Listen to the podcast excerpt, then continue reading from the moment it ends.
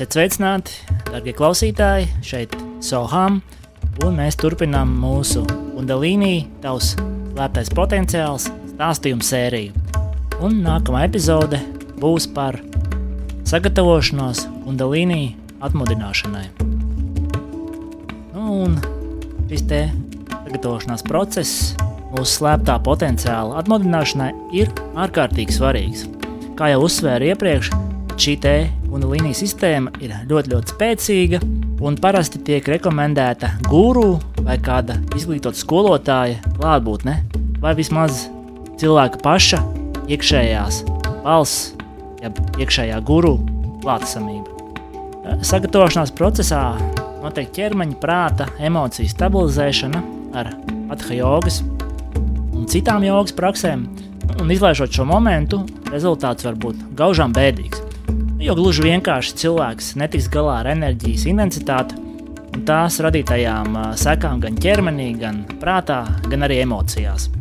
Nu, aktivizēt kundalīni nozīmē visu dubultot, trīskāršot, un tas attiecās arī uz emocijām un pieredzēm. Nu, ja ārējie dzīves procesi nespēja tevi ilgstoši izsist no sliedēm, negatīvās emocijas ir tavā kontrolē, nu tad Visticamāk, tu esi gatavs kundalīni jogai. Ja nē, tad labāk praktizēt parasto jogu. Savādāk tas būs apmēram tas pats, kas tavā mājas elektrosistēmā 220 voltu vietā ielaist 360 voltus. Nu, un mēram var nojaust, kas tad notiks ar šo te elektrības vadu sistēmu. Tad, ja tev, tev tagad ir grūtības tikt galā ar dzīves izaicinājumiem, tad aktivizētais kundalīnī to tikai daudzkārt pastiprinās. Mēs jau noskaidrojam, ka kundalīni joga ir evolūcijas ceļš. Tomēr tas nevar notikt eh, būtiski izlaižot svarīgus attīstības līkločus mūsu dzīvē. Un tad ir tik būtiski tikt galā ar šīm prāta aktivitātēm, ar emocijām, sevišķi jau negatīvajām, jo tās parasti reprezentē mūsu tādu dzīvniecisko dabu. Tad mums ir vai nu viena opcija - pakāpeniska evolūcija, strādājot ar savu prātu, ar ķermeni, ar emocijām, enerģijām, ir arī otra opcija. Turpināt, neko nedarīt tik ilgi, kamēr mums šis viss, šī te riņķa deja, būs piegriezusies. Tad kundalīnī pacelšana ir process, kurā mēs gatavojamies visu laiku, ja? ieskaitot arī mūsu visu iepriekšējo dzīvi, un arī, varētu teikt, iepriekšējās reinkarnācijas, ja jūs ticat reinkarnācijas procesam.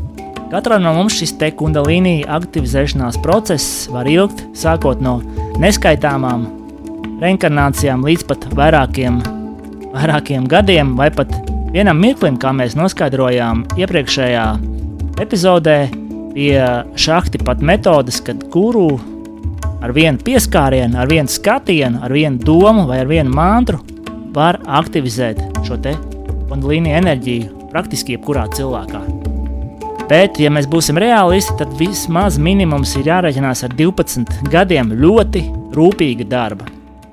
Un tas arī, protams, nenozīmē, ka process nevar notikt ātrāk, bet uh, arī šie 12 gadi var dažkārt būt par maz. Tas var būt tikai sākums, lai sagatavotu sevi visam šim te kundalīnī atmodināšanas procesam. Tiesa citīgi praktizējot, tas, kas notiks, būs pirmkārt jau perfekta veselība, skaidrs un spēcīgi strādājošs prāts otrkārt, radoša un aizraujoša dzīve treškārt. Bet jebkurā gadījumā šis ir vērtīgs ilgtermiņa projekts. Vēl vairāk, jebkura minūte, ko jūs centīgi investējat jogā un meditācijā, ir jūsu uzkrājums nākotnē. Pie kam arī tai nākotnē, kura pārsniedz mūsu izpratni par šī vārda lietojumu. Citiem vārdiem sakot, meditācijas iemaņas jums nāks līdz bonusā uz nākošajām reinkarnācijām. Bet, ja jūs neticat šim procesam, arī tad ir laba ziņa. Meditācijas prasmes jums noderēs gan dzīves smagajās situācijās, gan arī brīdī, kad pasaulīgā dzīve tuvosies noslēgumam. Tagad, pirms uh, sagatavoties kundalīnī pacelšanai, mums ir jāsaprot sava starta pozīcija. Un ne visiem tā ir vienāda, ne visiem tā ir pirmā čakra, ko sauc par muladhara. Uh, nu, jogi uzskata, ka mūsdienu cilvēks dominējošā čakra vairs nav šī pirmā, bet tikpat labi tā var būt otrā, Svatistāna vai arī pat trešā, manipūra. Tas vienkārši runājot, nozīmē, ka kundalīnija jau ir ieminis zinām taciņu, bez jūsu ziņas tiesa. tas nemēdz ilgstoši uzkavēties šajās augstākajās čakrās. Ja vien neesat nopietns jogas praktizētājs, ko tas nozīmē? Tas nozīmē, ka, ja tu vērīgi sev vērosi, pamanīsi zināmas dzīves ciklus. To, ko mēs normālajā ikdienas dzīvē saucam par kāpumiem un kritumiem, ja tie ir sevišķi izteikti, un tu bieži jūties it kā iekritis atpakaļ bedrē no zināmiem augstumiem, nu tad ļoti iespējams mēs te runājam par kundalīnī spēka pacelšanu un krišanu atpakaļ bedrē pirmajā čakrā. Nevienmēr tas tā ir, bet tas var būt uh, labs indikators šim procesam. Kundalīnī jogas teorija ir tāda, ka kamēr mēs neesam pacēluši šo spēku līdz manipūrai, tas ir nabas apkārtnē, nabas čakrai, un stabilizējuši to tur, tikmēr kāpumu krituma spēle turpināsies bezgalīgi. Tiklīdz kundalīnī sasniedz un noturās manipūrā, viss process notiek tālāk pats no sevis. Tu vari to tikai pātrināt, bet nevari vairs apturēt. Jo gravitācijas spēks apgriežas kājām gaisā, un turpmāk šo spēku nevis met uz leju, bet velk uz augšu, uz galvas apvidu. Ko darīt, ja kundalīni pēkšņi pats no sevis ir pamodies, un tādi gadījumi ļoti daudz cilvēkiem, kuri pat varbūt nepraktizē jogu? Ko viņiem darīt? Nu, pirmkārt, jau ievērot zināmu diētu, izvairīties no sliktas pārtikas un noteikti neēst gaļu, samazināt sociālo aktivitāti, nu, ideālā gadījumā uz laiku noslēgties no sabiedrības, no ārpasaules, ja tas ir iespējams. Noteikti nelietot nekāda veida zāles, un arī atturēties no dzimuma dzīves, meklēt kompetentu jogas skolotāju, vai arī lasīt, meklēt informāciju. Ideāls, bet maziespējams risinājums būtu doties uz jogas ašrām Indijā vai kādā citā vietā pie kādiem gudriem un apskaidrotiem jogiem. Protams, lielākā kļūda būtu krist panikā un doties pie psihiatra pēc diagnozes, tas ir tāpēc, ka brīdī, kad mūsu kundalīnī cilvēks iet cauri milzīgām pārmaiņām, milzīgam stresam, izmaiņas notiek ne tikai mentāli, tās notiek arī fiziski, mainās pat smadzenes un to savienojumi. No malas tas var izskatīties nedaudz, vai arī daudz traki, tomēr šis ir pārējošs process, dienu vai nedēļu jautājums. Nu, pats sliktākais būtu uzskatīt sevi par slimu, dzert spēcīgus antidepresantus un doties pie psihiatra No tā kategoriski būtu jāizvairās. Tad, ja tu esi ticīgs cilvēks pēc dabas, tad intensīvi lūdz Dievu, ja esi intelektuāls, nu, meklē atbilstošu literatūru, ievēro diētu un praktizē hatha jogu. Nu, ja esi pāraktīvs dzīves dzīvotājs, tad, tad karma joga, ja brīvprātīgs darbs, jeb intensīva strādāšana, kā risinājums arī te varētu palīdzēt. Svāmī Satjananda uzskata, ka nekāda meditācija šajā periodā nederēs, jo prāts būs pilnībā autopilotā. Tas būs spontāns. Tad depresija, tad deforija. Tas nepakļausies pilnīgi nekādai kontrolē, līdz ar to meditācija var būt pilnīgi bezjēdzīgs process šajā periodā. Citās situācijās šis te pēkšņi aktivizējies kundalīnī var izraisīt dažādas spontānas pranajāmas un līdzīgas jogas prakses pašas no sevis. Tādā gadījumā ir jāļaujas šiem procesiem, bez pretošanās un bailēm, bet ar vērošanas palīdzību. Starp citu, arī pārdabiskas spējas uz brīdi var parādīties. Piemēram, ne fizisku būtņu vai garu pasaules redzēšana, gaisredzība, intuīcija, superintuīcija.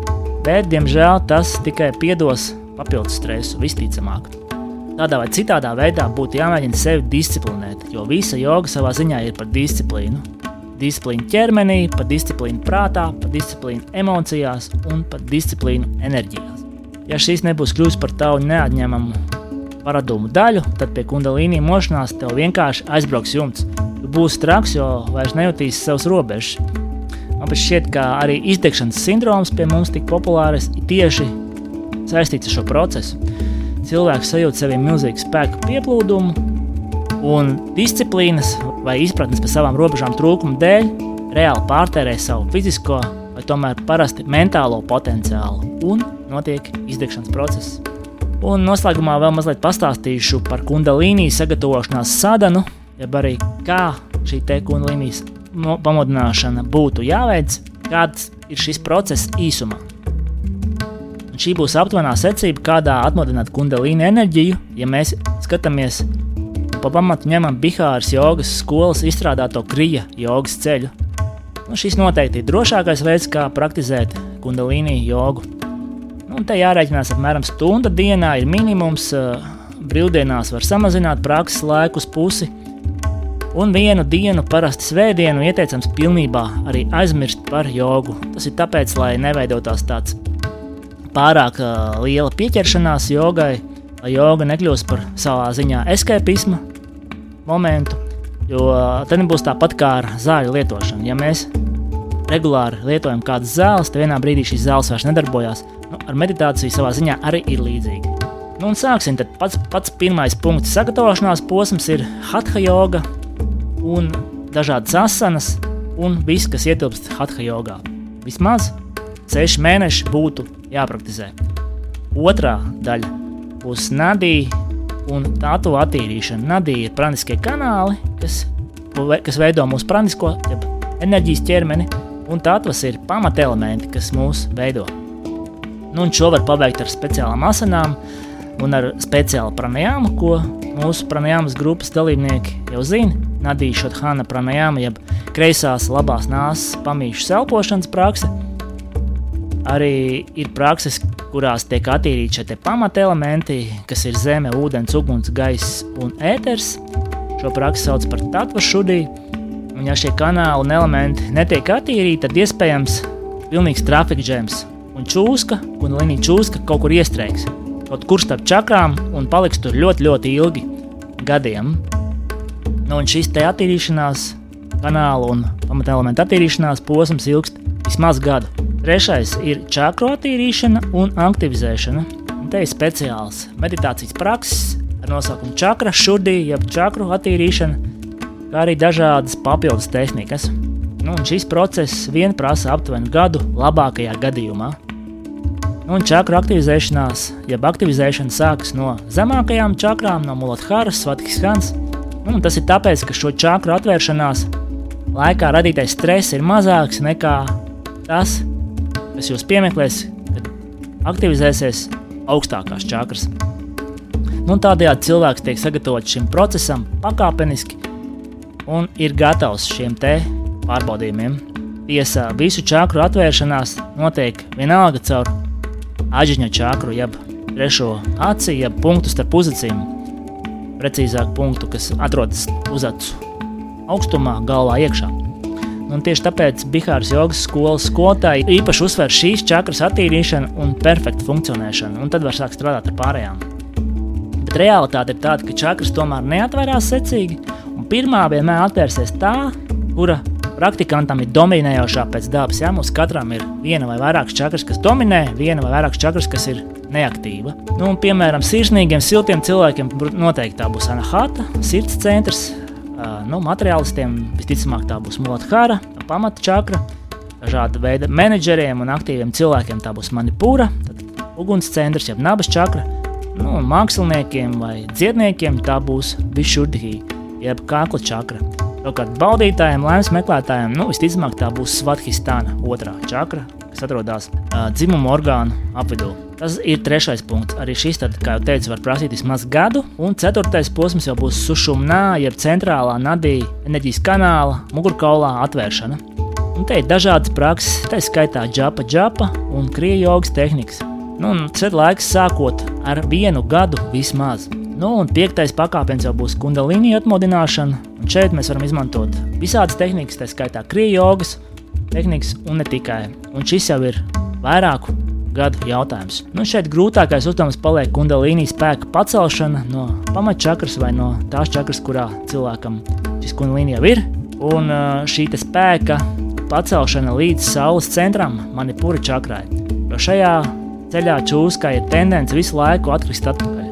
Tas ir kundalīnija, tiek pacelts, kādu laiku tas tur atrodas manipūrā, bet tad notiek nepatikšana, stresa, ārēji apstākļi, un praktikants tiek izsists no sliedēm, un viss notiek kritiens atpakaļ, un kundalīnija ir atpakaļ uz sava pirmā kvadrātiņa. Nu, tāpēc, ka gravitācijas spēks ņem virsroku, un tikai tad, kā jau teicu, kad šis spēks stabili nonāk līdz manipūrai un tur arī paliek, tad cīņa par kundalīniju pacelšanu ir galā.